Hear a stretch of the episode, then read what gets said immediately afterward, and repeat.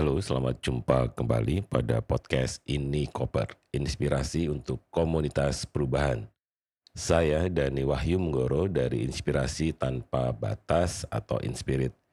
Kali ini saya ingin ngobrol dengan Budita Kismadi, co-creation dari Vibrant Facilitation, yang bersama saya dulu mengembangkan Vibrant Facilitation dari tahun 2022. Nah, hari ini kita akan bicara dengan Budi Takismadi tentang bagaimana vibrant facilitation itu bisa lahir. Hai Butsi. Hai Dan. Kalau kita kembali ke belakang, apa yang diingat dari ide vibrant facilitation pada tahun 2000-an gitu? Lagi itu ketika baru mulai ikut pertemuan, training dan lain-lain dan bosen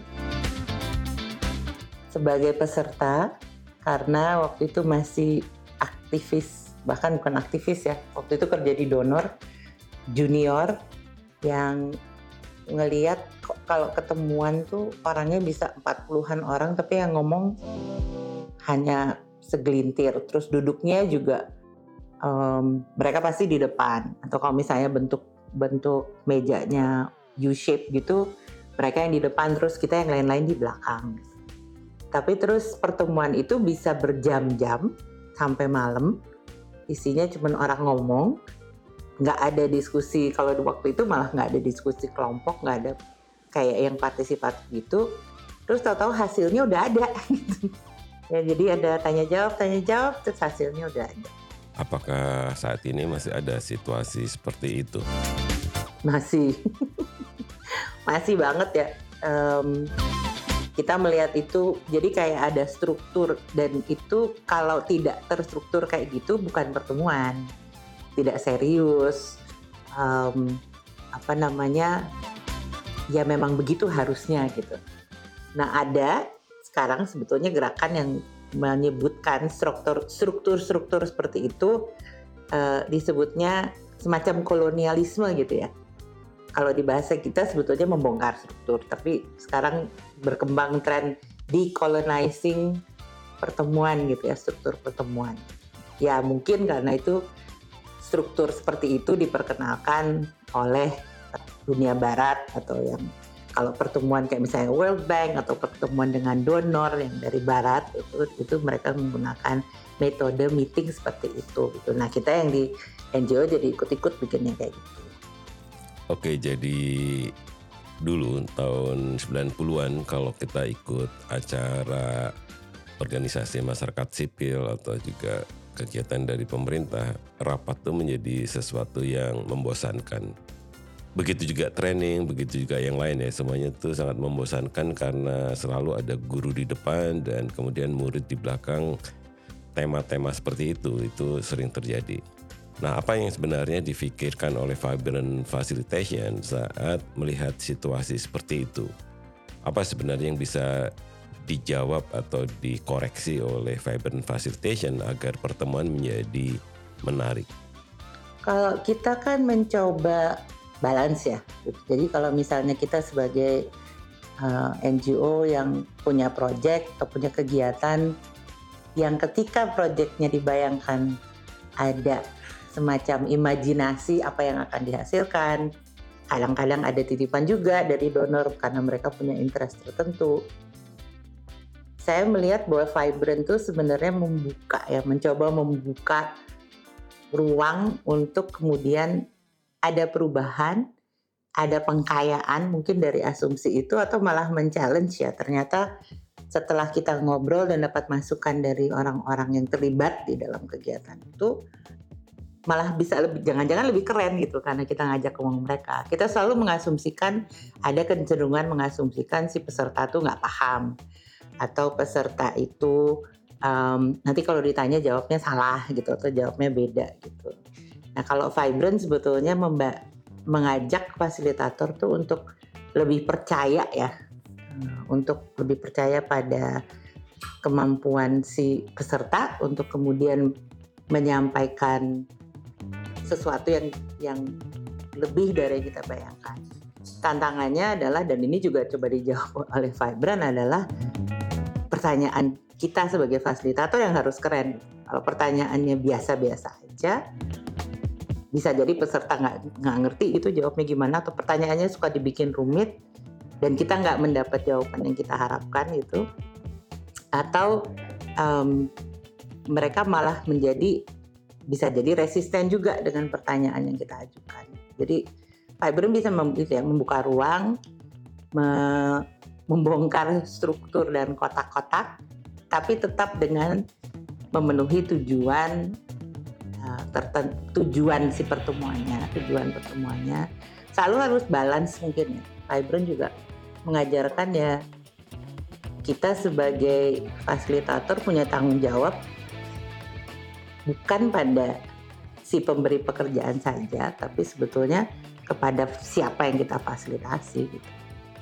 Jadi vibrant facilitation esensinya adalah bagaimana membuat pertemuan itu tidak menggunakan cara-cara lama yang lebih fokus pada hasil atau mengontrol hasil, juga mengontrol pertanyaannya, kemudian juga mengontrol jawabannya, tetapi membebaskan bagaimana peserta bisa sepenuhnya terlibat, berpartisipasi, kemudian ada mutual understanding yang kuat, kemudian juga ada inclusive solution yang melibatkan semua peserta, dan yang paling penting adalah juga ada kesepakatan bersama yang bisa dipertanggungjawabkan.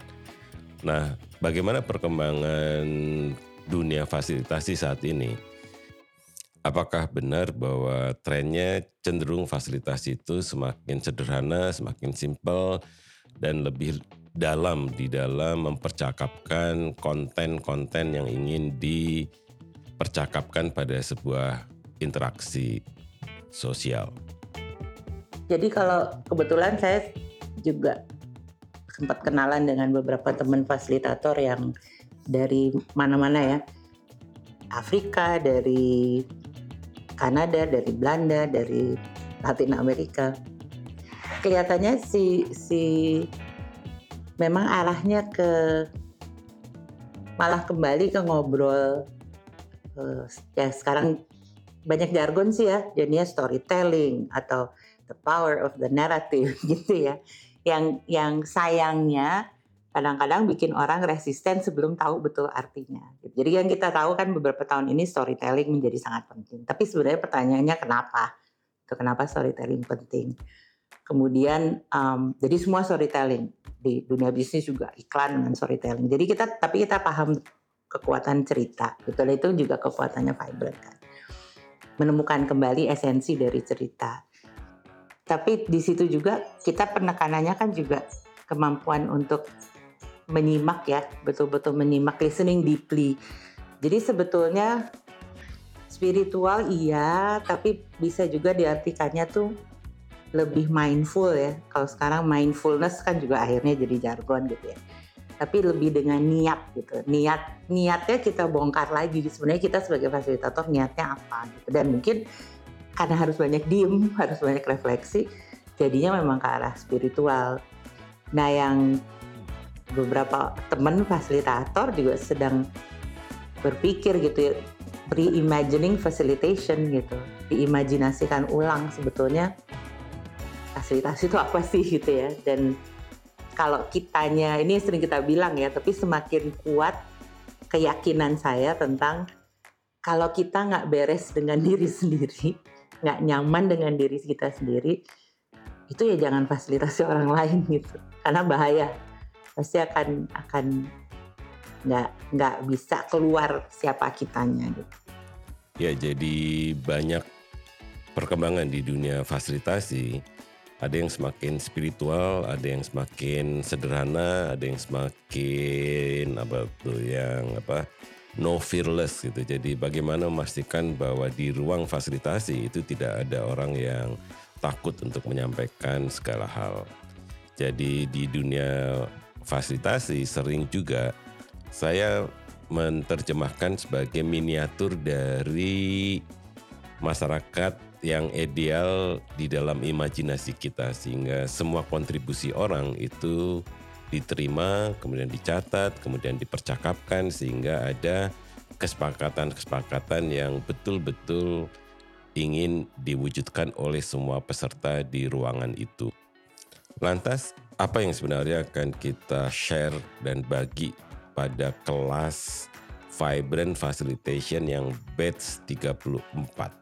Ini lebih sederhana gitu ya. Dan kalau memang udah pernah sering dibilang sih meaningful ya, tapi caranya gimana kita akan coba di uh, Fiber 34. Kita juga akan coba um, apa ya, lebih mulai masuk lebih dalam melihat melihat makna gitu dari apa yang kita lakukan gitu. Lebih sederhana tapi lebih dalam. Lebih sederhana dan lebih dalam. Itu esensi dari Vibrant 34. Kami di tim Inspirit dan juga Rumah Inspirit sedang meramu sebuah kelas yang lebih pendek tapi materinya lebih dalam sehingga tidak mengurangi waktu itu dari apa yang biasa kita lakukan dan berharap bahwa pada Vibrant 34 ini ada banyak hal baru yang ingin kami bagi kepada para peserta untuk bisa diterapkan pada kehidupan sehari-hari, bagaimana bekerja pada sebuah tim, bagaimana kita bisa mengelola organisasi yang keren, dan juga bagaimana cara kita bekerja dengan komunitas sehingga bisa menciptakan masa depan yang lebih baik, lebih keren dan juga sesuai dengan impian komunitas perubahan. Demikianlah isi podcast ini koper kali ini. Kami di ini koper percaya bahwa berbagi apa pun akan bermanfaat bagi komunitas perubahan. Sampai jumpa pada edisi berikutnya.